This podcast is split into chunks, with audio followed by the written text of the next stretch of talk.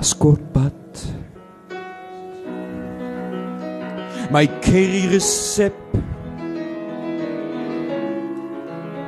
is beter as ooit. Ek sal vir jou maak. As jou hart vir huis toe kom. As ek kon dan sou ek vir jou gee. Maar totdat jy die Kaap weer sien, sal ek hom net hier hou. Mense van ver hier vandaan.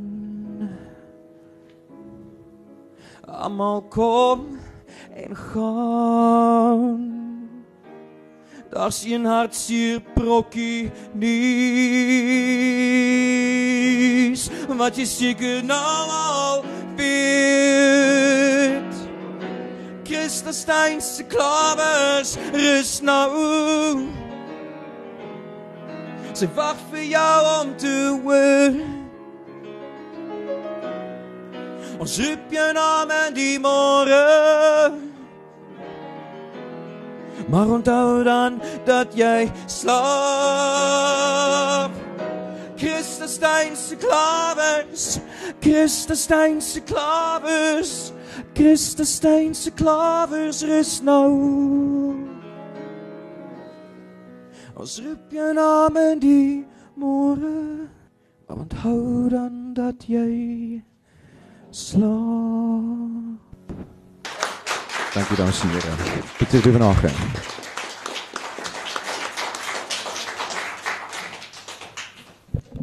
Dames en here, verlede jaar het ek 'n interessante gesprek gevoer met 'n man wat my toe nou nie so bekend is soos hy nou is nie, maar hy het 'n familielid wat ons almal ken in hierdie huis. En dit is uh, natuurlik Christine van Anderbraak Theater se se broer.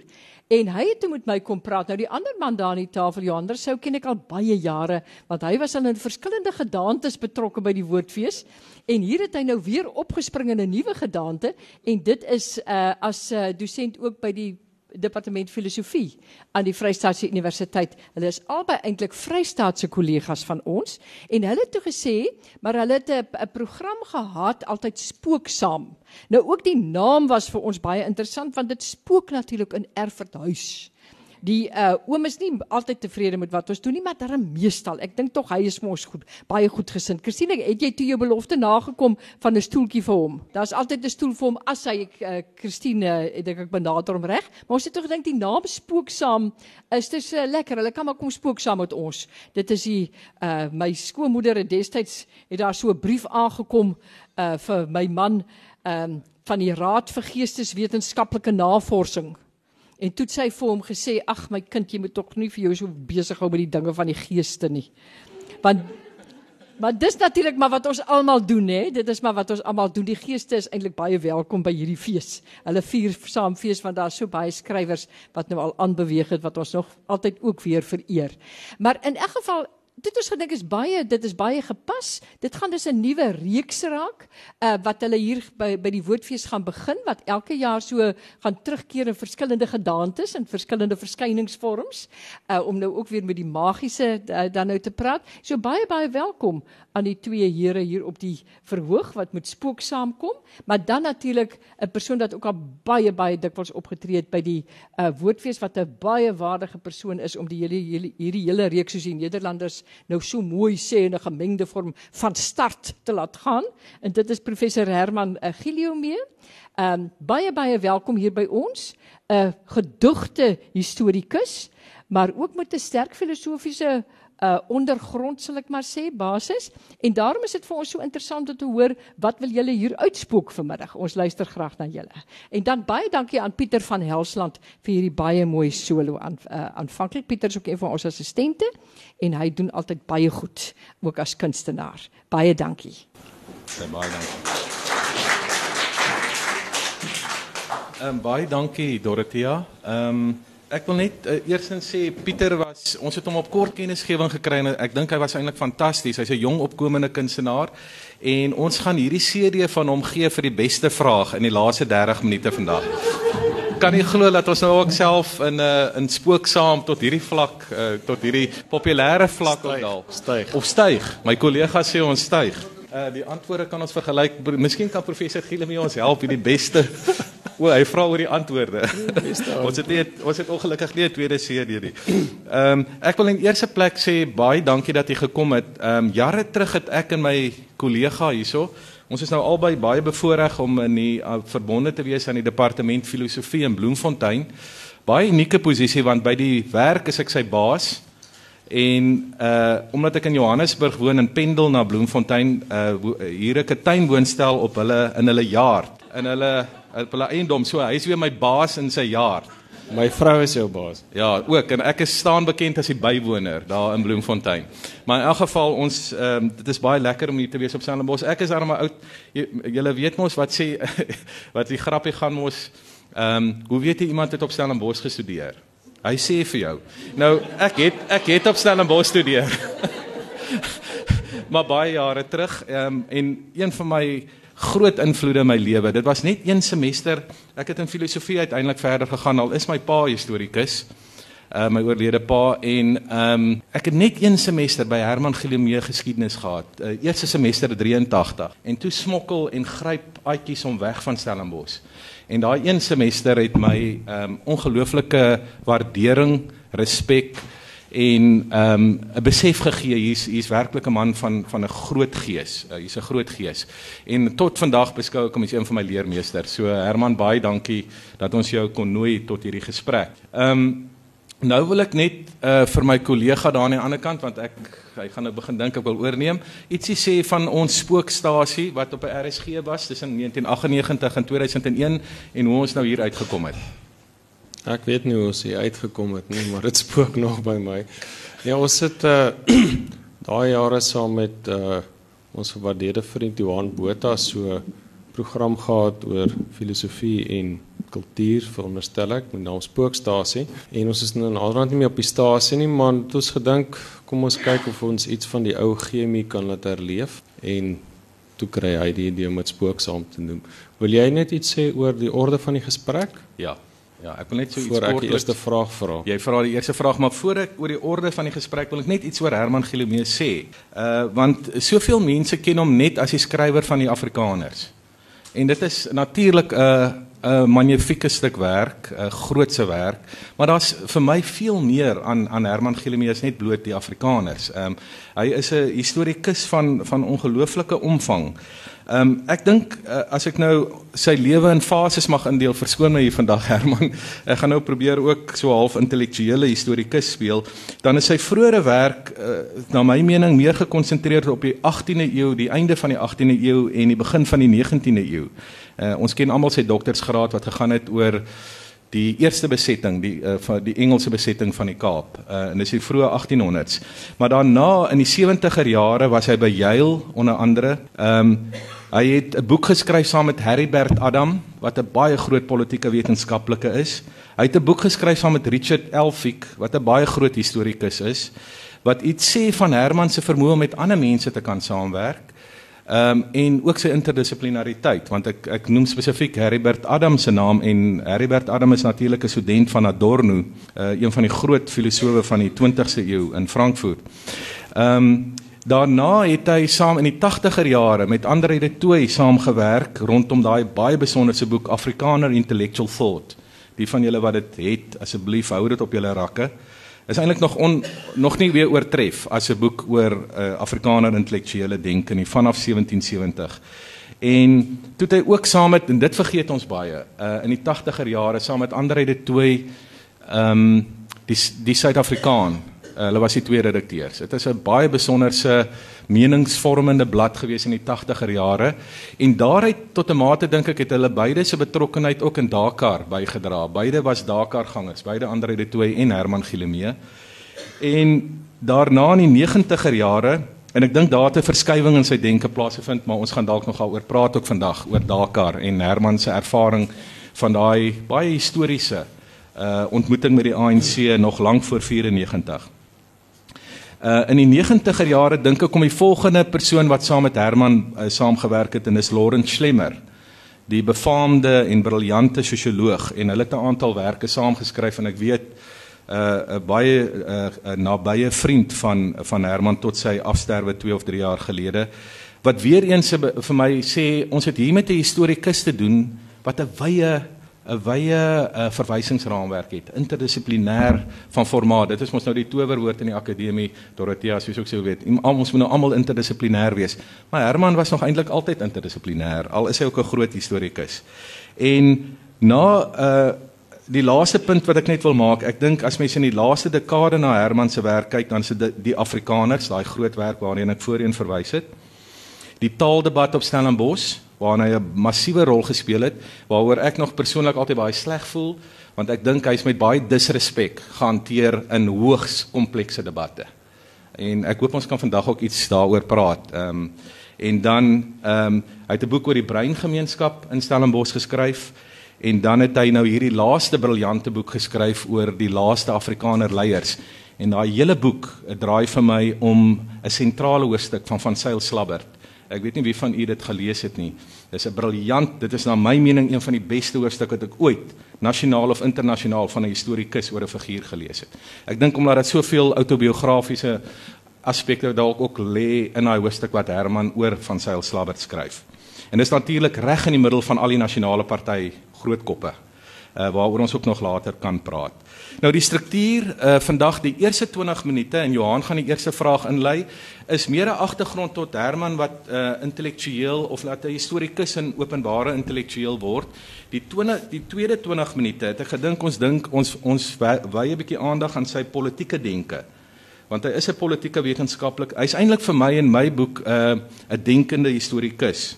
So ons gaan die tweede gedeelte, die 20 minute wy aan sy politieke denke en die begrippe soos byvoorbeeld pluralisme uh maar ook sy kritiek op liberalisme. So baie graag daarby uitkom en dan in die laaste 20 minute uh kyk na die onderhandelinge van 1994. Hy het baie sterk opvattinge daaroor die nuwe Suid-Afrika teenoor die ou Suid-Afrika en dan ook ehm um, wat het die afgelope 20 jaar gebeur en hoe sien hy die toekoms. So dis die drie dele en dan sal jy merk dis 60 minute.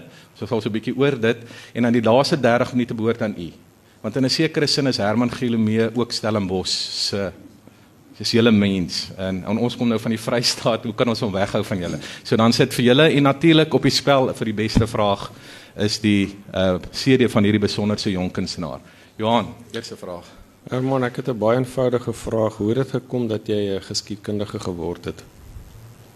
Ja, dit is 'n baie eenvoudige antwoord en dit is my pa was 'n geskiedenisonderwyser. Uh my pa was 'n ehm um, Ons uit op Portugal het ek eintlik uh, my uh, verstand gekry uit in die mate waarna as mense van Sweeds kan praat. Uh en hy was geskiedenisonderwyser uh, tussen 1938 en ongeveer 1964. Nou hy was uh hy hy hy ek, ek dink self hy was 'n uh, persoon wat indien hy uh sê maar my kans gehad het, sou hy waarskynlik in ook uh, geskiedenis geskryf het. Hy het nooit iets geskryf nie, maar hy was 'n goeie, baie goeie onderwyser. En die een ding wat ek van hom onthou is dat hy geskiedenis geweldig verhalend kon vertel. Hy kon die verhaal van geskiedenis vertel. En dis die een ding wat eintlik verlore gegaan het in die geskiedskrywing vir 'n lang tyd. En dit is die verhaal het verlore gegaan. Geskiedenis is 'n storie. Baie is is dit his story, is not her story. Ons het te veel op mans gekonsentreer, maar geskiedenis is iets wat mense moet boei en pak. En uh dit is nogal in 'n groot mate mense soos Gustav Preller gedoen in die vroeë dele van die 20ste eeu. Maar toe die geskiedenis nou eintlik die geskiedskrywers het grand geword. Hulle het vreeslik wetenskaplik probeer skryf en het verstrik geraak in hul eie historiese bronne. En die hele plesier uit geskiedenis lees het amper weggegaan. Ek dink Karel Skooman het gepraat van hulle stapel die geskiedenis op soos sulke vierkantige blokke, jy weet. Uh en ek het so van in die in die vroeë in die toe ek nou begin die aan die Afrikaners skryf die boek die Afrikaners of is eintlik in Engels the Afrikaners. Ek het daarna dit vertaal. Het ek besluit ek gaan wegbreek van hierdie amper sosiologiese tipe van geskiedenis. Ek dink is iets van my pa se invloed daar. Ek het onthou hoe boeiend hy in die klas oor die geskiedenis kon praat oor um, Napoleon en Sint Helena. En Napoleon wat nou sy kanse op opweeg, jy weet, wat het dan nou verkeerd geloop en al so aan, jy weet. En uh, ek het toe wat hulle genoem het uh, oorgeskakel na na the narrative history. Dit beteken nie dat jy nou half kronieke gaan vertel nie, maar jy gebruik die narratief as die raamwerk waarin jy jou sosiale ontleding gee. En dit is eintlik waar ek nou maar vandag op die oomblik is. Maar goed, jou pa, maar nou kom jy op Stellenbosch aan 1961, 62. Ja. Uh wie vorm jou hierso? Wel, het is interessant ek nou uh, uh die historikus vir wie ek nou die grootste bewondering het is uh, iemand met die naam van uh, Amerikaanse historikus C. Van Woodward. Hmm. Wat 'n man van Arizona is. Lyk my aan niemand in Amerika wil van Arizona kom nie, maar hy Woodward en, en Bill Clinton kom van Arizona. Hy's 'n man van die suide. Hy's 'n man van die suide, maar hy's heeltemal liberaal. Hy is uh, byvoorbeeld in 'n beroemde hofsaak van in 54 Brown versus Department of hmm. Education het hy vir die swart burgerregte mense het hy getuienis as liberaal gegee. Maar hy is baie getrou gebly aan die syde.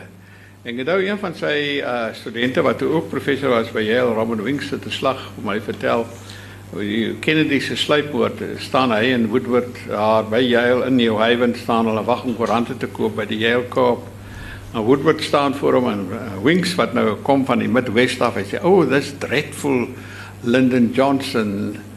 There will be nothing will happen about black civil rights." En sê George Woodward raai so om en sê, "It will be better under Lyndon." En dit is 'n tipiese houding van die suiderling wat dan vir die ou van die noorde of die weste sê, "Moenie ons suiderlinge af af, af afskrywe nie bly jy bly getrou aan jou aan jou aan jou aan jou streek jy bly getrou aan jou plaaslike gemeenskap maar jy probeer die liberale ideale baie sterk te be, be, bevorder en en, en bepleit Maar goed, Woodward maar hier op Stellenbosch self 'n bietjie meer. Nee, eintlik is Woodward skryf dan 'n baie interessante ding wat hy eintlik dan sê dat uh hy hy het 'n autobiografie geskryf Thinking Back is die titel. Ek het nou onlangs dit weer gelees. Hy sê dit die geweldige teleurstelling toe hy nou op universiteit kom in die 40er en 50er jare dat daar's 'n hele opbloei van die suidelike literatuur, Robert Penn Warren en die mense. Maar die geskiedenis is nog so dood so dood as enigiets. Jy weet hulle probeer slawerny te verdedig, hulle probeer die ou die ou syde, the old south and the new south en probeer uh jy weet amper apologeties te wees teenoor die hele suidelike rasseverhoudinge en so aan. Hy sê terwyl in daai selfde tyd het jy sulke briljante skrywers soos Faulkner en Robert Penn Warren en so aan. Dit was 'n die geweldige teleurstelling en ek moet sê ek het nie ek veel by my uh, historiese leermeesters geleer nie. Jy weet hulle was uh Piet van der Merwe was 'n baie goeie historikus, maar hy was 'n nie 'n baie goeie dosent nie. Hy het uh geweldig van elke ou klein fout puntjie, ek weet as ek nou daar was nou boontjies geproduseer en boontjies verkoop het vir was dit droë boontjies of of groen boontjies, jy weet, as as daai dinge dit nou by verby hierdie koppie getrek of by daardie koppie verby getrek en sodat die geskiedenis was 'n leerstelling. Sê dit oor professor sê dit oor die kommunisme geskryf en nasionalisme en hy het baie goed klas gegee maar die werke het nie geïnspireer nie. Hy het byvoorbeeld probeer om 'n boek te skryf, artikel te skryf oor wat is 'n Afrikaner in die laat 60er jare na al die definisies. Jy moet kan jy nou 'n Afrikaner wees as jy 'n Katoliek is? Ek sou net dink jy moet 'n goddank bly wees as 'n Katoliek wil Afrikaner wees. Herman, kan ek vir jou vra oor jou leermeesters? Ek ek wil net vir 'n oomblik nog daar stil staan. Ek dink jy het jou meestersgraad by Piet van der Merwe gedoen, hè? En ja, hy het eintlik maar jy moet almal moes eintlik maar by hom verbykom, ja, dis die groot ding. Ja, want my pa het my, my ek moet nou net 'n dingie ingooi. My pa het my vertel dat Piet van der Merwe het op 'n kol op vegkop gewerk en hy was besig om die assagaie te tel. Ja. Hy het probeer om presies vas te stel hoeveel as dit is nou ek dink empiriese navorsing op sy ergste. Kyk wat van der Merwe baie goed was en dit is die een ding ek glo nie en ek stel mos dit 'n soort amper 'n fetish probeer maak van objektiviteit, jy weet. Maar jy besef natuurlik as jy nou dit so bepleit, daai bronne, die bronne self is nie objektief nie. Die bronne is gewoonlik wit bronne en dit vertel 'n sekere storie van uit die wit wit kant uit. Maar daar's een reël in die geskiedenis en dit is you must get your facts right. Jy moet jou feite reg kry. Jy daar daar is iets wat jy nie voorby kan verbykom nie. Van Merwe is geweldig eksak en konkreet jy met jou feite reg kry. Dan dink ek dat dit met hierdie objektiwiteit ek glo nie in die ding dat jy moet probeer wat ek nou maar deesdae noem faal liberaal wees nie. Jy weet soort van jy weet ek, asof jy van nêrens afkom nie. Jy moet so daar's 'n baie groot uh uh, uh historikus, is eintlik hy's eintlik Brits, maar hy's van Joodse afkoms uit in Amerika later aan gaan werk Tony Hood. Hy het 'n briljante boek geskryf The Cold War en hy het gesê enige man vertrou eerder iemand wat sê ek kom uit hierdie hoek uit en dis van hierdie hoek uit wat ek die storie vertel. Jy moenie probeer jou vervoordoen as jy is as jy above it all is nie. Jy jy gaan dat jy eintlik geen kant het nie. En dis 'n ou storie my vrou sê al sy gaan uitloop as ek my weer vertel, jy weet dat 'n mense mense ideologie is soos jou eie asem, jy kan dit nie ryk nie. En elke ou het maar 'n ideologie en jy moenie jy moenie bang wees om te sê dis die hoek waar uit ek kom nie. Dis vir die hoek waar ek dis waaraan ek glo. Dis waarvoor ek staan, jy weet.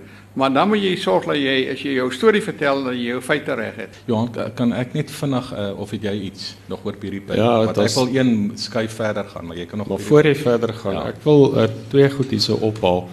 Dis vir my baie interessant dat jy 'n uh, soort van 'n identifisering met met Van Woodward wat hulle leergestel is met die geskiedenis wat hy aantref, maar hy is geïnspireer deur die letterkunde. Nou Susan Sontag, een van my gunsteling uitsprake, sy sê 'n skrywer is 'n leser wat die boek skryf wat hy eintlik wou gelees het. Ja. Nou die een vraag wat ek nou vir jou het oor oor Woodward en so is, nou kom jy hier aan en jy is bietjie teleurgesteld met die geskiedskrywing wat jy aantref, maar ek ek nie jy kom hier aan net na 5 6 jaar na Jan Rabie se 21 ehm um, van Wyklou is absoluut op sy hoogbloei. Het jy as historikus as jy aangegryp deur die literêre klimaat en dit jy wil iets daarvan herhaal in die geskiedenis? Nee, wat is die teleurstelling want kyk ek hier sit nou een van my klasmaats in Afrikaans Nederlands 3. Ek het Afrikaans Nederlands 3. Jy weet en daai in 58 toe ons derde jaar was, het van Wyklou se liberale nasionalisme ja. verskyn. Ek kan nie onthou dat daar enige klas daarna verwys is nie Maar jy het dit opgetel. Ek het dit eers veel later het ek het, uh, het ek het uh, sê maar in die 60er jare het mense nou daarvan besef. En dit is seker een van die mees seminale boeke in die hele Afrikaanse literatuur. Jan Rabie is, jy weet, ons nog weet hy's nou 'n polemikus en so aan. Maar dit is die hierdie hele debat van hoe kan jy jou nasionalisme probeer so versoen dat jy nie ander volkere afstoot nie. En dit van Wyk Lou stel hier vir jou 'n etiese nasionalisme voor. Dit totaal by stelling ons bygegaan en ek dink aan die toe in die vroeë 60er jare het van sy Slabbertel en die mense begin kom van sy het begin praat oor van van Wyk Lou want hy het klas geloop by van Wyk Lou en by Wits in 1959. En toe kom ek agter maar ons stelling ons het eintlik nog glad nie vir van Wyk Lou jy nog geweet wat sy digtig sy gedigte baie goed maar van sy essays het niemand eintlik gepraat nie. En dis met Opperman wat hy klas gee. Ja, wel ek dink Opperman 'n bietjie later. Dit was ja. toe nog uh Frankie Malherbe en uh, Uitemal en daai mense. Ja. Kan ek nou een skuif verder gaan Herman na die 70s want die interessante is tog dat jy vind die ehm um, die akademiese klimaat in die geskiedenisdepartement hier uh, nie so opwindend nie, maar jy kry tog wel 'n pos hier. Uh en ehm um, en dan kom die 70er skus dan kom die 70er jare en dan moet jy in 'n sekere sin nou hoe hoe jy dink jy as historikus wil wees en seker teen heelwat teenstand want jy pas nie presies in die model wat hulle ja. van jou verwag nie. Wel ek dink Stellenbosch het die eerste keer in my teleer gestel geraak toe ek is uitgenooi om uh, op gelofte dag uh my uh, in by Kampus Kroon te gaan spreek en uh, ek het toe maar uh, gesê nee ek is ongelukkig my vrou is verwagtend en ek kan nou nie uh, kan er nie kom nie. En ek dink dit was tog jy is nie 'n gevoel gewees dat jy bring nie jou offers nie en so aan jy weet uh, maar ek het ek dink die, uh, die ek dink professor Kutsi is eintlik die man wat my aangestel het en ek dink hy het waarskynlik ek sou hom nie kwaliek neem as hy later gedink het hy het 'n oordeelsfout gemaak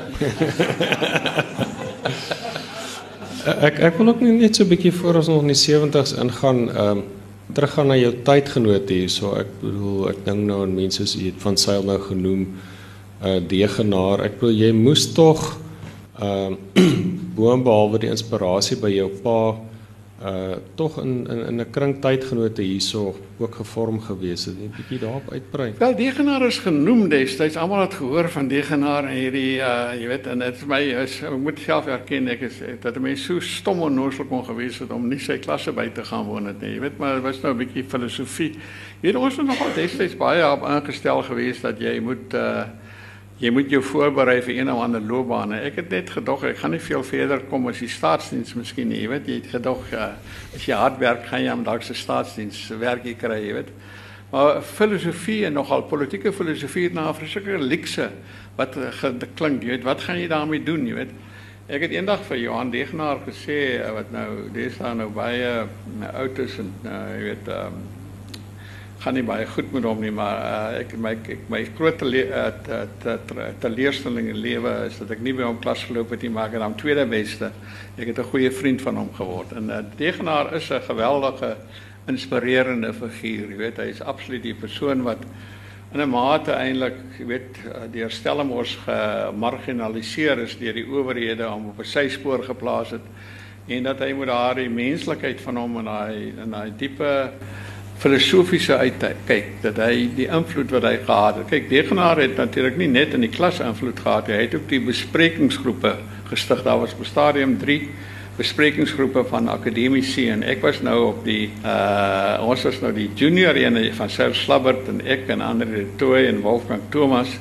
Nou was daar 'n middelene ons het hulle maar die mediocre groep genoem wat nou die effens ouer dosente en dan die heel ouer hele, hele senior groep van Degenaar en Frans Smits en uh, uh Swittering en daai mense.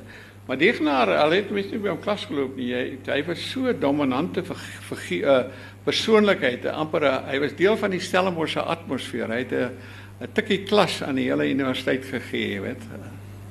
Hmm. Ja, besonder. Um, Herman, ek wil uh, vir jou vra in die 70er jare, hoe begin jou eerste want jy's gevorm as historikus jy het jou probleme. Ehm um, wat want jy het my baie al verwys na die slot hoofstuk in in die boek wat jy saam met Richard Elphick geskryf het waar jou begrip waar jy vir eerste keer met die begrip pluralisme werk want ek het 'n vermoede hierdie begrip pluralisme is jou skuif om met jou die wêreld waaruit jy kom een ja. tree verder te gee. Ja. Uh, meer na in 'n universele gesprek. Ja, kyk, my hele geskiedenis is half gevorm in oppositie op geskiedsbeskouing en geskiedskrywing. In die vroeë 70 jaar, ek het my dokterstesis in 1972 klaar gemaak. Emma was in dink ek 66. Toe se 'n groot stryd uitgebars, uit losgebars tussen in die geskiedskrywing tussen die marxiste en die en die liberales. Die marxiste het 'n klasse analise gegee. Alles is die kapitalistiese klas het die geskiedenis van Suid-Afrika gevorm, veral natuurlik die die grondbesitters daarna die mynbase en hulle het rasseverhoudinge bepaal, nie 'n regering of iets van die aard nie. Liberale het die idee gehad van dat eintlik die is die individu en dat die enigste rede hoekom dit nou sleg gegaan het in Suid-Afrika is omdat die Afrikaners hierdie uh, verbrande uh kalvinisme gehad het, fundamentalistiese kalvinisme en dit is hierdie vooroordeele wat die hele land skeef getrek het. Nou ek het in my eie geskiedenis, ek het eintlik interessant dat ek eh, my dokterstesis was gewees die Kaap tydens die eerste Britse bewind 1795 tot 183. En toe is daar die wat ek nou later en ek skryf nou tans daaraan, daar was drie groot regime changes in Suid-Afrika se geskiedenis. Die regime changes is nie net 'n regering wat verander, is die hele stelsel, die hele verhouding met die buitewêreld, die verhouding tussen die klasse binne in Suid-Afrika die hele geskiedenis alles verander en dit het gebeur in 1795 toe die Britte die Kaap oorgeneem het van die kompanjie. En dis 'n tyd van soos nou, dis dieselfde tyd soos nou, groot wanorde, groot wetteloosheid. Mense is absoluut moedeloos oor die toekoms en ek dink daar's een frase wat ek nog baie goed onthou net voor die Britte hier aangekom het. Iemand het geskryf: uh, "Almal wil regeer en niemand wil gehoorsaam." Jy weet dis 'n uitstekende beskrywing van Suid-Afrika vandag. Uh, jy weet uh, almal wil regeer en niemand wil gehoorsaam nie. En uh dan kom die Britte en die Britte slaan alles plat. Maar dan kom die Britte en hulle probeer vir die Afrikaners te sê maar julle is eintlik julle moet probeer Britte word. Enige beskaafde mens is Brits. Hy moet kan Engels praat, hy moet hom soos 'n Brit gedra. En dan begin die Afrikaners geleidelik daarteen 'n opstand te kom en dan tussen 1899 en 1924 is daar 'n tweede regime change waar die uh, die Anglo-Boereoorlog en dan kom die blankes bo. Die hele is 'n is 'n blanke verenigde blanke groep wat dan die hele uh, segregasie bestel van swartes word uitgeskuif na die tuislande en so aan. En die derde groot regime change is natuurlik met die, die ANC wat aan bewind kom. En ons het gaan deur al daai selfe sindrome en patrone as vir die vorige regime changes. En ek het al dit is eintlik wat ek uh, my baie gevorm het toe ons nou hier in die 70er en 80er jare. Jy kon sien hier kom 'n regime change.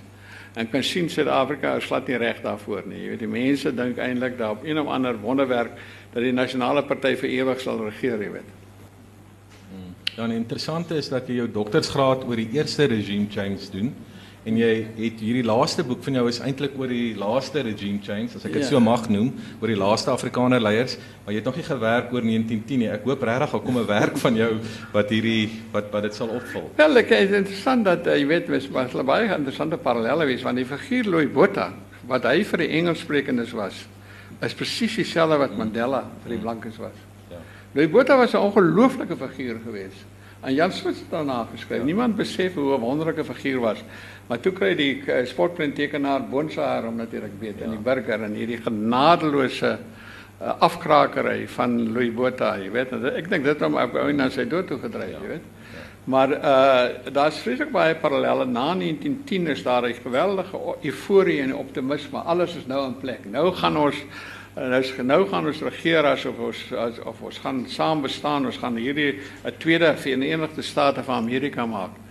En dan begin die droogtes en dan begin die geld by eenheid te raak raak uh, aan die depresieer en dan kom die rebellie van 1415 en dit druk die hele ding oop, jy weet. Uh uh en dit laat dan die dis dan die, eintlik die begin van die einde van die van die Suid-Afrikaanse party. Maar ek wil tog net so 'n bietjie nog druk oor die kwessie van pluralisme. Wat ek bedoel, dit mense sou kon sê van Degenaar was 'n pluralis, van Sou Slabbert was en jy ook. Maar hoe kom jy daarby uit? Of was dit so 'n bewuste ding? Ons is ek kom uit uit 'n gemeenskap uit en ek dink dis wat die li- liberales en die marxiste mis het. Hulle werk kan nie met 'n gemeenskap werk nie. Die die marxist werk met 'n klas, jy weet die werkersklas, die kapitalistiese klas. Die liberaal werk met 'n individu. Hy hy ken nie so iets soos 'n gemeenskapsidentiteit nie. Net soos die marxiste dink hulle dat nasionalisme is eintlik 'n 'n 'n masker vir die elite wat sy eie belange bevorder en so aan. So daai werke the shaping of South African society besef hoe belangrik groepe is. Groepe wat gewoonlik in rasseterme gedefinieer, maar dit hoef nie gedefinieer te wees in rasseterme nie.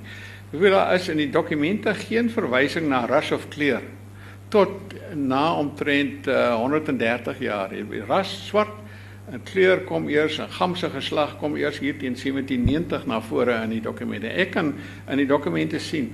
Maar die groot ding is dat hierdie indien die Britte dan kom en die Britte probeer die dinge te herrangskik, hoe die mense terugval op die eie gemeenskap. En natuurlik vandag in Suid-Afrika ook nog. Ons lewe almal in gemeenskappe. Maar die geskiedenis word geskryf deur mense wat eintlik vervreemd is van gemeenskappe in Suid-Afrika. Wat nie, jy weet, uh ek dink jy's jy wat my vertel het van 'n dosent in filosofie uh by Universiteit Kaapstad wat gesê het jy beny jou amper dat jy is lid van 'n gemeenskap. En dis mense nou van die Afrikaners, jy kyk byvoorbeeld na kyk net, jy kyk na Kwela, jy kyk na dis 'n gemeenskap daar, dis 'n gemeenskap, jy weet. My ek het nou albei my skoonseuns is Engels sprekend. Hulle sê hulle is totaal vervreemd van die radio en televisie want die Engelse gemeenskap het verdwyn. Verdwyn. Hulle kom miskien eenmal 'n jaar by Gramstad bymekaar, maar dit self dit is nie meer 'n 'n jy weet as as die hele karakter het verander. Ons ons die Afrikaners is glo blykbaar nou 18 18 feeste, jy weet, volksfeeste, woordfeeste en so aan. Maar daar is 'n gemeenskap en jy is heeltyd bewus van ander mense in die gemeenskap en wat dan allerlei dinge doen en die taal is natuurlik 'n geweldige band by ons en die, die moontlikheid dat uh sekere mense maar Afrikaans in die stilte wil nek omdraai en dat die mense nou daarteen reageer en so aan. Maar ook die ons steeds in die in die in die in die kompanjiestyd wat ek nou oor geskryf het in die Britte, die wat vir my baie baie sterk opval daar dat daar's 'n verskil tussen burgerskap en citizenship. Citizen is 'n man wat staan teenoor 'n owerheid en dat hy sekere regte ten opsigte van die owerheid. Burgerskap soos dit nou destyds in die ou de kompanjiesregering gedefinieer is, is iemand met regte en verpligtinge. Jy is byvoorbeeld verplig om op komando te gaan. Nou later het hulle dit nou omseil en ouens ge, jy weet uh, gekoop om in hulle plek in die komando te gaan, maar dit is eintlik nie veronderstel gewees om te gebeur nie. Maar daai hele idee dat jy as 'n burger is mede verantwoordelik vir die land se verdediging. Jy wil nie opgeroep word in 'n in 'n in 'n in 'n 'n militêre korps nie. Wil onder jou eie bevelvoerder staan. Jy wil jou jou jou komando in jou wijk en jou gemeenskap en jou landdros en jou veldkonnette, dis jou gemeenskap. Dis die mense wie jy aanspreek. Die Britte het nie 'n klou daarvan gehad nie. Jy weet, hulle het byvoorbeeld hierdie civil commissioners gehad wat hulle ingestel het in 1828 toe nou die landdros en heemrade afgeskaf het. So die Afrikaners kom uit 'n lang geskiedenis, veral die omdat ons so sterk eintlik 'n boerderygemeenskap, 'n landelike gemeenskap was. En jy weet, en eintlik eintlik eers van 1890s begin uh verstedelik het. Uh, besef mense as jy nou Afrikaanse geskiedskrywer is, hoe sterk die rol van gemeenskap is. En vandag nog as jy in die platteland, ek kom nou van Portugal af, uh waar ook al hier's mense van Woester, jy weet die plattelandse gemeenskappe is baie dieselfde. Die die sin van gemeenskap is vir vir is, is vir die mense 'n bron van krag eintlik, jy weet, dat jy dis nie dat dit iets is wat jou half dissiplineer of jou min of meer definieer of so aan nie. Dit is iets vir mense wat van ander mense langs hulle en wat wat uh, nader trek en sekere gemeenskapsaksies onderneem. En dit is 'n baie sterk deel van ons eie geskiedenis dat ons eintlik is 'n bepaalde gemeenskap. Maak nie saak of dit nou watter politiek of nou sap of nat of is nie. Almal, jy weet, besef dat dis met hierdie mense is gemeenskapsmense. My ma was 'n geweldige groot uh, rol gespeel in die ACFF destyds nog en dit is en dit hulle nou vir al die armer gemeenskappe kan probeer ophelp en so aan. Uh my pa was natuurlik onderwyser, so jy het te doen met die ouer gemeenskap en dit is 'n uh, groot mate word mense dan eintlik bepaal deur gemeenskap. En waar ek nou my eie geskiedskrywing vandag en ek het nou het ek genoem in 'n resensie van Lindy Lindy Koorts se bio wonderlike biografie van die Malang. Die groot ding is dat Malang het besef ons is 'n gemeenskap, jy weet, en jy moet daai gemeenskap sterk maak, jy moet hulle sterk maak deur jy weet die bande met die kerk, bande met die taal, bande met die universiteit en so aan. Die universiteit is nie sommer net 'n abstrakte akademiese instelling, dis 'n in diens van 'n bepaalde gemeenskap. Dit is wat Stellenbosch veronderstel is om te wees. Kan ek en, op ja, skus Herman op hierdie punt inkom? Ja, jy wil nog 'n punt gemaak? Nee, ek moet dit sê, Stellenbosch het 'n unieke kans gehad om nou uh, met die oorgange van 94 dat hulle nou sy veral om so gerig het om die brein Afrikaanssprekendes van die platteland in hierdie gemeenskap in te bring in die universiteitsgemeenskap en ek dink dat dit basies daai ding verspeel. Ja baie dankie vir daai laaste punt want ek wil juis ons nou ons gaan nou in ons laaste 20 minute in en ek wil nou nader kom in 94. Maar net voor ons daai punt maak en ook hierdie uiters belangrike punt oor Stellenbosch wat ek seker is jy gaan na terugkeer. Uh wil ek net vir jou vra uh, my indruk was van jou in die 80er jare ek mag dalk verkeerd wees dat jy die liberale kaart sterker gespeel het as die gemeenskapskaart. Uh, dit kan dalk om redes gewees het want ons het 'n ja. baie ons het 'n tipe nasionalisme gehad wat baie soms versmoorend kon gewerk het en dat dit takties was dat jy dalk die liberale kant van hierdie ja. ding moes speel maar my indruk is dat jy hier van Dakar by Dakar gebeur daar iets of die debat ook tussen jou en Andre de Tooy dis asof Andre de Tooy konsekwente liberaal bly hmm. en jy ehm um, dit dit wat jy jy jy's baie van Wyk Lou agtig in die sin dat jy 'n liberale nasionaal is of ek ja, sou sê 'n meer jy het 'n sensitiwiteit vir gemeenskap ja. saam met natuurlik die waardes van die liberale. Kyk mense het natuurlik iemand vra jy weet die punt is uh apartheid was eintlik 'n verskriklike antiliberale stelsel want apartheid het identiteite voorgeskryf. Ja. Apartheid het van rasseklassifikasie gewerk wat totaal onaanvaarbaar was. En ek dink ons uh Mens kan nou verstaan waarom apartheid ontstaan, maar apartheid was eintlik die dood in die pot ook vir die Afrikaner, jy weet. Ek dink as dit veel langer aangehou het, sou waarskynlik nog die Afrikaner nog meer skade gedoen het, maar die oomblik toe jy begin wegbeweeg van voorgeskrewe rasseklassifikasie en elke ou kan vrylik sy eie identiteit vind en uitleef en uh aanwend in die politiek. Toe is ek heeltemal bereid om in daai game in te kom, jy weet, ja. maar nie die apartheid game nie. Ja ja. Want ek dink dis 'n sleutelmoment by jou en baie mense wat jou lees, verstaan nie daai skuif en daai Ja. intellektuele skuif in jou nie.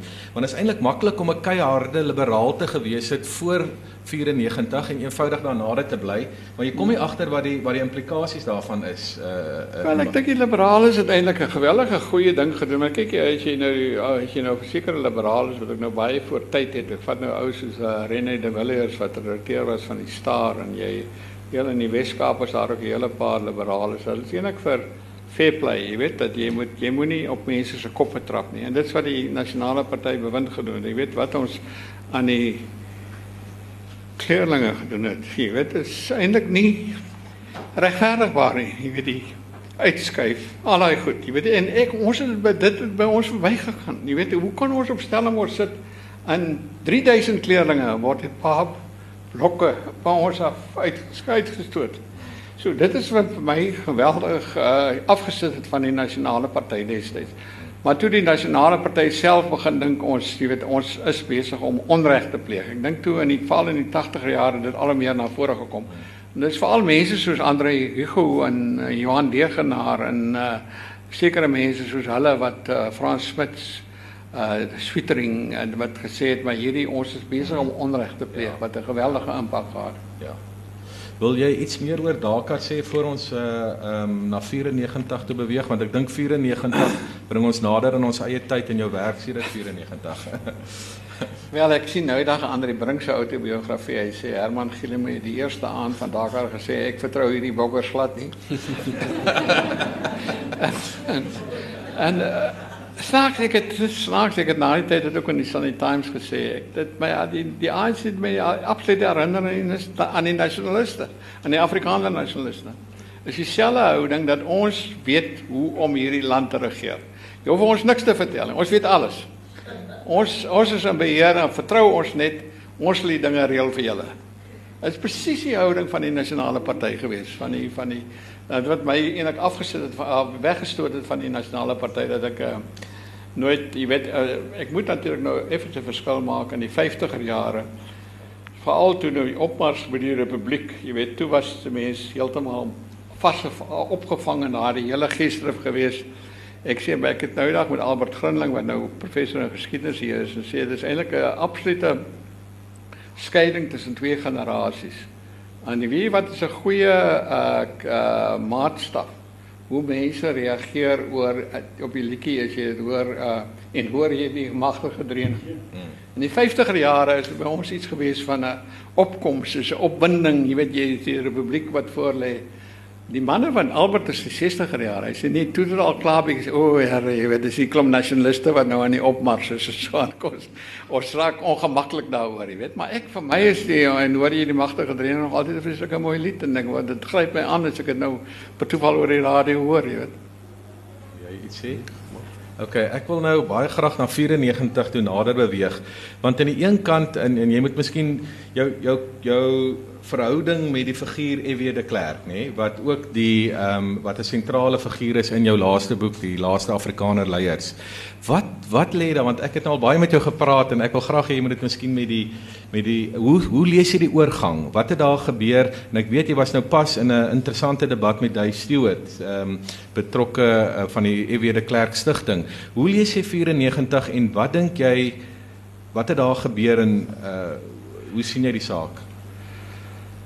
Tussen my en de Klerk of ja, wel ek kyk, hy is vet. De Klerk is 'n wêreldfiguur. Ek moet my nie op hoegenaamd op die uh, vlak as hy plaas nie. Ons het altyd 'n bietjie van 'n ek sê sê gespanne verhouding, maar kyk, ek vind eintlik vreeslik maklik om met hom te gesels want hy is nie 'n ou met 'n ego nie en hy kan met jou lekker in gesprek tree. Jy weet jy het sekere veral nou kabinetsministers sê man jy weet eintlik nie. Ek weet ek weet nou wat die feite is. Jy moet luister maar nou na my.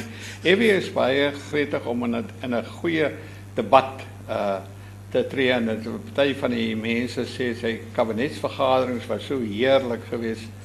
Maar jy het eintlik van 9:00 die oggend tot 6:00 die middag het jy gaan die kabinetsvergadering geargumenteer en so aan. En Eli Lou sê nee, wat ou PW was 'n baie beter man. Ons 12:00 was ons klaar geweest dan. uh maar dit ek nou al, ek dink ek het in die 80er jare het ek 'n rubriek geskryf in die Rand Daily Mail en die Cape Times en dit was natuurlik nou in sekere kringe was dit nou 'n baie bedenklike ding geweest dat ek nou dit kon doen. En ek weet Evie het op 'n slag het hy ges, vir iemand gesê vir Wim de Villiers dat ek is eintlik maar 'n wolf in skaap 'n wolf in pro, in prog klere. En ek het dit altyd onthou en ehm um, toe ek nou uh uh toe ek nou op die universiteitsraad kom op hierdie taaltikke toe kry ek hom eendag te lag hy lekker te sê o jy gaan nou uit ag jy gaan nou uitvind hoe moeilik is die politiek. En dis baie waar, jy weet. En ek het uitgevind met die raad dat jy nie die agenda beheer nie, nee, jy geen mag nie. En ons is 'n klein minderheid in die raad. Uh maar vir ons toe in die in die in die uh in die in die ons het ek my eerste onderhoud was in 19 net so 2 maande na sy groot toespraak van Februarie 1990 En jy het al jy het altyd geweet nou na uitsiere ervaring as jy met 'n NP kabinetsminister praat.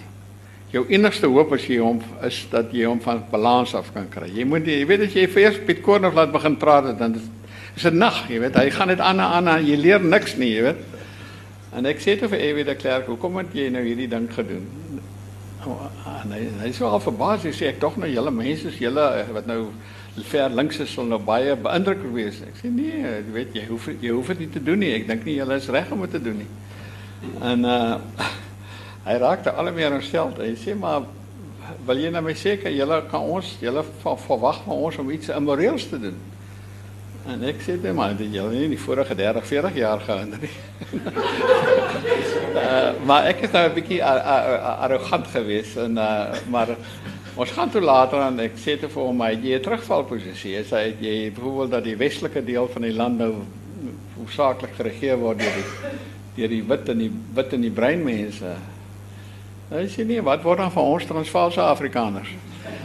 En toe besef ek dat Evie is 'n Transvaalse Afrikaner. Niks daar teen nie. Jy hoef nie skaam te wees jy 'n Transvaalse NP Afrikaner is, maar hy sit 'n vereniging en vir my die belangrikste feit van Evie de Klerk wat ek eers moet die skryf van die laaste boek uitgevind het.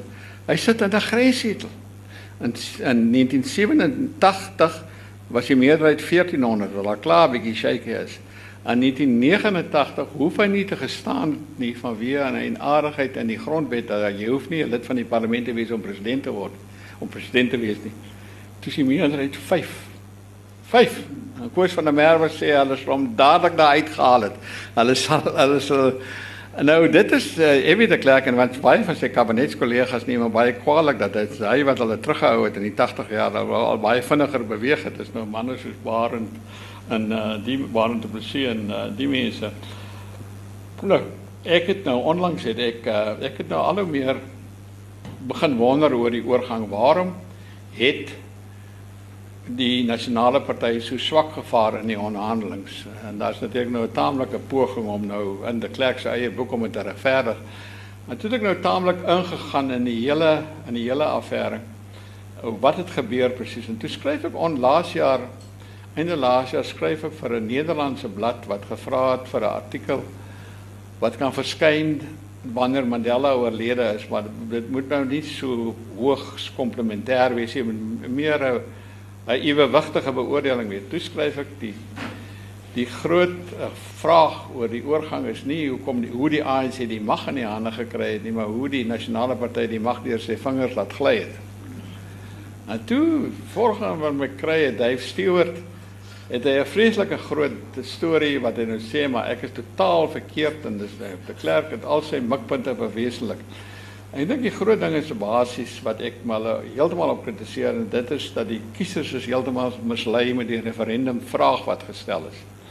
Die uh, ek het 'n foto in 'n boek wat sê dat 'n groot uh, voorbladsy advertensie as jy gekant is teen meerderheidsregering stem ja, dit wil sê stem vir die nasionale party. En die nasionale party het beloof dat daar sal nie meerderheidsregering, jy weet wat die een party, die ANC, al die besluite kan neem nie en so aan.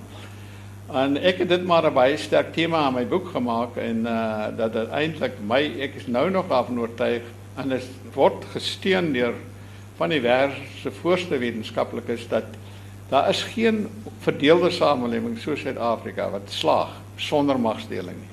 Jy moenie minderhede van die politieke mag uitsluit nie. En dis presies wat die ANC gedoen het. Ja, baie dankie Herman. Ja, nog ietsie? Nee, ek wil praat oor Stellenbosch, maar wil jy nog ons kom maar nou Stellenbosch toe ja. gaan in 'n taaldebat of wat? Ja.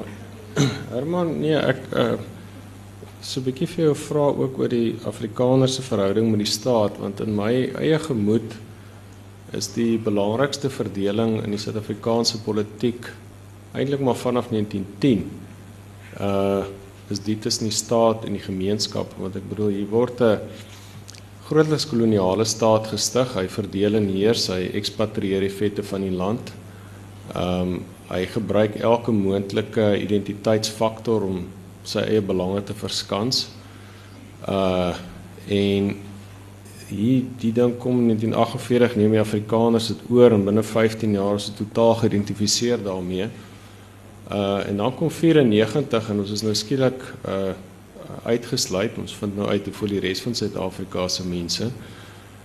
En nou is is my vraag eintlik is dit miskien die agtergrond iets van daai restant van die sterk identifikasie met die staat en die status quo uh wat verklaar waarom julle mense op die Stellenbosch raad 'n minderheid was. En daarmee saam ook iets wat ek ook nie verstaan, daar kan jy lig daarop werp.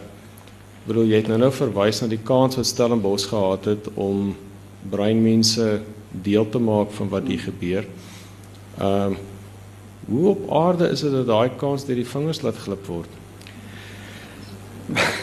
Ja, dis 'n lang en sad storie. Kyk, Stellenbosch is altyd baie na aan die in die regering. Stellenbosch kan nie verdra om 'n oppositioneel tot 'n regering te wees nie. Hy is al van 19 Ek dink van in 48 was Stellenbosch nog altyd hy draai hom so dat hy in die well, Hy word nie so gestig in 1869 Hy word nie so nee. gestig nie en uh, hy uh hy uh in die ek dink dit begin draai in die in die in die in die Tweede Wêreldoorlog. Ek dink dit het uh, tot in 1938 was daar nog die helfte van die Stellenbosch dosente was gesien as Verenigde Party en die ander helfte Nasionale Party. Iemand, ek weet nie hoe hulle dit nou vasgestel het, maar iemand daar is iemand wat so 'n stelling gemaak het. Maar van in 48 af van Stellenbosch natuurlik geskrikkelik na aan die Nasionale Party. Heeltemal te naby en heeltemal amper half die Engelse woord incestuous, jy weet. Hmm. Die ver, die effense verwydering het begin kom hierso in die 80er jare, maar toe was ek al weg van Stellenbosch. Maar onmiddellik daarna, jy weet, uh alweer die ANC is nou maar weer die omhelsing en ons weer na aan die en uh, ek dink een van die redes was dat uh wat ek gehoor het waarom die van die sekere raadslede nou wil uh, oorskakel na Engels as voertaal is dat hulle wil nou graag weer goeie verhouding met die kabinet wil aanknoop dat daar kan uh, swartes wees wat op Stellenbosch gestudeer het en, en hulle kan nou hierdie op hierdie alumni se se se se se se se knop se knoppies druk om nou weer Stellenbosch hierdie noue gemeenskap tussen Stellenbosch en die regering, jy weet, te herstel en so aan, jy weet. En ek dink Stellenbosch is op die oomblik net 'n eenvoudige universiteit wat nie weet wie en wat hy is nie. Iemand moes in daar so Nederlandse gedig hê, iemand gesê, "Wees jouself," want toe die ou helse probleme en hy weet nie wie hy is nie. OK.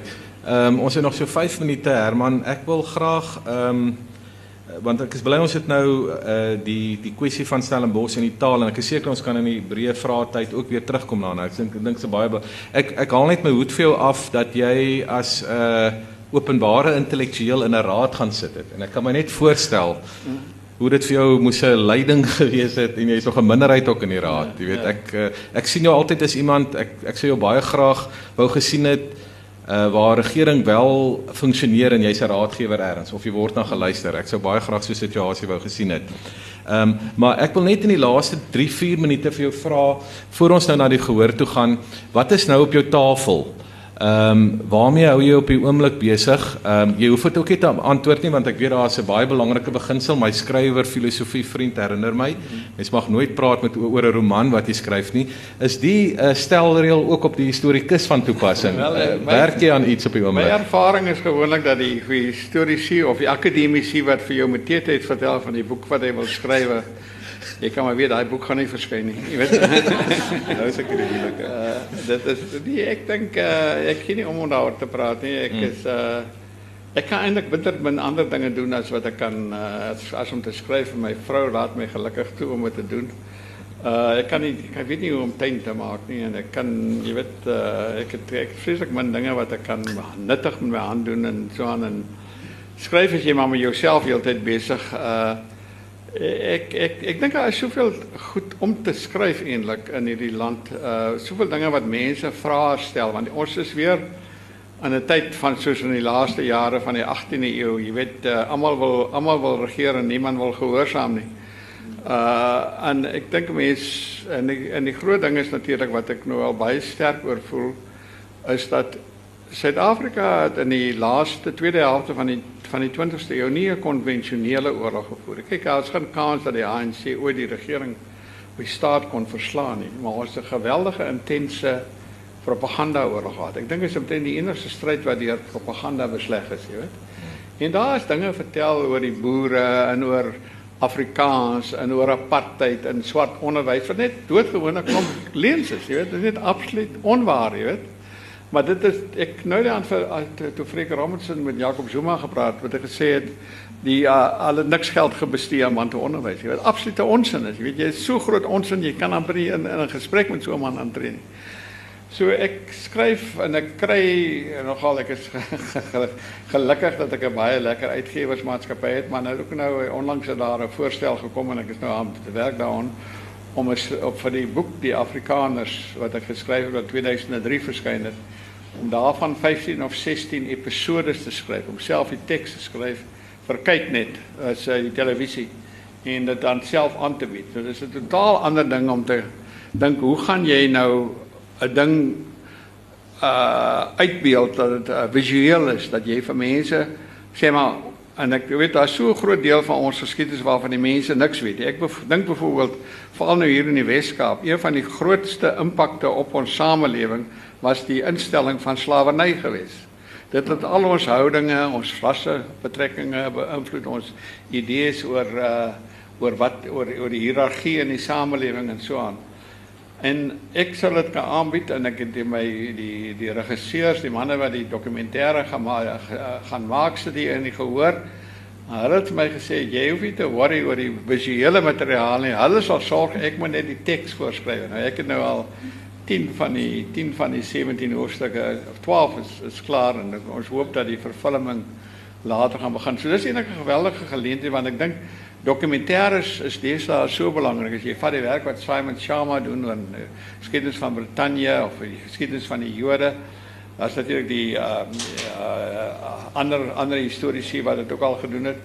Want televisie is so magtig en jy het ook al geskryf gewerk Johan, jy weet ons is eintlik weg al van die era van die geskrewe woord ons is amper nou by die by die elektronika by die by die visuele jy weet en so aan so die mense is stewige dokumentêre reeks van die Afrikaners gemaak en dit is daai boek van my wat nou 770 bladsye sal die teks daai eintlik afgebring word na 100 bladsye jy weet nie jy kan van die man sê nou regtig om nou nie so erg wil pynig om die al 700 wil lees nie kan jy dan nou dan ten minste hierdie verkorte weergawe. Ek het al baie keer gewonder of mense nie 'n verkorte weergawe van die Bybel kon gekry het. So baie so baie mense nie meer gelees het nie, jy weet.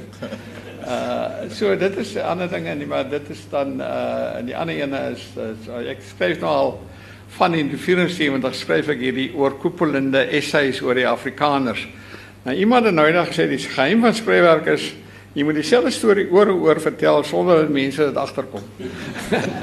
en ek het nou al die 5de of die 6de versie wat ek nou al het van die Afrikaners en so aan, maar ek ek vind die Afrikaners net 'n ongelooflike interessante verskynsel, jy weet, die uh, want dit is eintlik hulle behoort eintlik nie, jy weet, as die against all odds wat hulle nou oorleef het dat, hulle dat hulle oor dat hulle 94 oorleef het en ek dink hulle is weer nou weer besig om hulle voete te vind dat hulle jy weet Afrikaans gaan jy weet eintlik uh Afrikaans gaan staan sterk alhoewel ek is baie bekommerd wat op die universiteite gebeur en veral die aanslag wat nou weer gaan gebeur.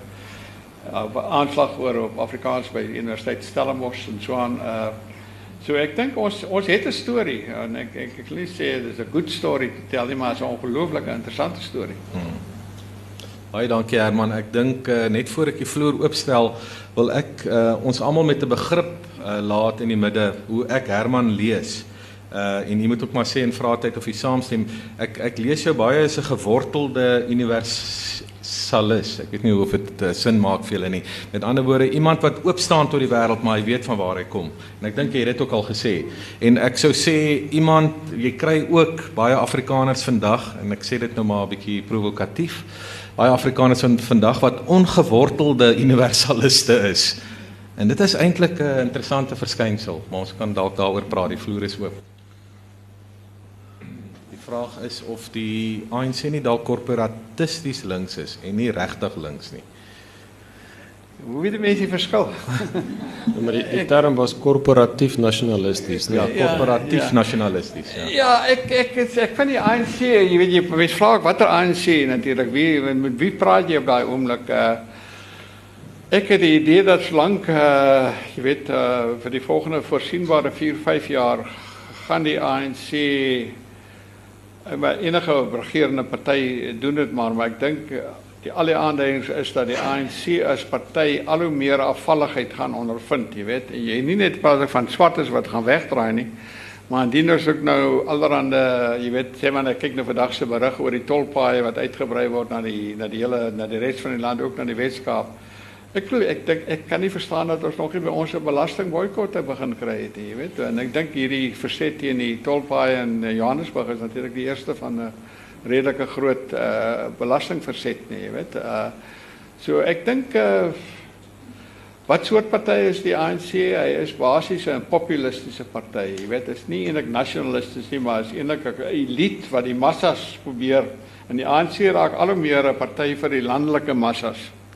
En hulle probeer dan die landelike massas op allerlei maniere tevrede te hou, onder andere natuurlik die uh sosiale welsyn, die pensioene en daai tipe van dinge.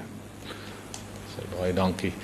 Goed, uh, dames en here, ons het um, ons is basies aan die einde. Ek wil net 'n paar uh, dinge sê en Johan, jy moet ook my help as ek een of twee dinge vergeet. Ons is môre weer hier om 3 en dan gaan ons twee trawante praat oor Suid-Afrika as 'n veel uh, Suid-Afrika as 'n veeltalige land of ehm um, wat is ons ander formulering? Vertaalde land. Vertaalde land, nie vertraagde land, vertaalde land. Ehm um, so uh, ons het ons het baie ons wil Lost in eind- translation. Ekskuus. Lost in translation. Lost in translation. Hopelik nie. o, ek dink ons is op die oomblik lost in translation. En nou hopelik kan ons translate later. Ehm um, so ons het 'n ons wil eintlik 'n tipe van 'n so 'n bietjie 'n 'n dwars 'n dwarskyk gee. Is daar nie 'n ander manier om onsself te verbeel nie. Dit is nou net ons twee môre, maar julle is altyd natuurlik baie welkom. Ons gaan nou nie die trekpleister hê van Prof Gilo mee nie, maar kom ons kyk hoe gaan dit môre. En dan wil ek net sê dat ehm um, professor Gilo se boeke is nou nie hier buite beskikbaar nie, maar ek het gereël dat dit môre by die boeketent is van die ATKV. Veral hierdie laaste boek, maar ook van die ander boeke, die Afrikaners en en dan hierdie laaste boek, die laaste Afrikaner leiers. En dan ehm um, wil ek net sê uh dat my kollega hier Johan Resou ehm um, het pas 'n roman uh klaar gemaak en sy bekendstelling is Vrydagmiddag om 2uur presies hier by die Erfurthuis en sy boek sal te koop wees Vrydag hierso. Johan, wil jy nog iets sê? Ja, ek net gou die storie vertel voordat jy intussen besluit aan wie gaan die CD, nê? Ja. Maar die vraag hierso oor uh, oor eintlik maar die herkonstituering van 'n gemeenskap. Uh ek bedoel in ons hele geskiedenis, en dit kom ek in Herman se boek oor die Afrikaners baie mooi uit. Ehm uh, daar's altyd die twee kragte. Die een krag wat sê luister ons uh beste kans op voortbestaan is eintlik om onsself op te hef, nê? Op te los in sekere sin en dan is daar die ander groep wat die ander kant sê. En uh, ek het in Australië, ek het vir 3 jaar daar gesit het ek uitgevind ehm um, die, die die een kwessie wat be bepaal of jy nou deel is van die gemeenskap of nie en of die land of nie. Dis eintlik baie eenvoudig. Dis pre-rasioneel, dis nie uh jy het eintlik baie min aandeel daarin. En dis sommer sê so totdat jy 10 jaar oud is, hoe is jy gesosialiseer? Dis so eenvoudig soos dit. Uh en ek het ek het nou die ander dag vir 'n hoëkop daar by my universiteit uh hy's hy's die buitewêreld som as Afrikaner beskryf en hy sê toe maar hy beweeg nie in 'n kultureel linguistiese ruimte soos ek nie. Sê ek vir ek het vrede met jou. In ons hele geskiedenis is daar Afrikaners wat soos jy dink, ek dink anders, solank ons mekaar ruimte laat, maar daai ding van hoe jy gesosialiseer is, hoe diep is jou band met die plek. Ehm um, ja, wie gaan die CD wen? Okay, ek gaan nou uh, baie lik verskriklike autoritaire posisie, maar ek wil tog dit is vir my Koos Stoffberg se wonderlike vraag en liberalisme en Lindy Koorts oor oor die uh want dis die dilemma natuurlik jy maak 'n gemeenskapsargument dan sê mense o jou nasionalis of hoe sê ek beskryf in 'n in 'n akademiese artikel ideologiese aktivis of 'n ideologiese aktivis is ek ook nou al uitgekry. Ehm um, maar in elk geval ehm um, daai was vir my 'n baie belangrike vraag net soos Koos en, en al die ander ook maar ek gaan dit vir my vriendin Lindy Koorts gee.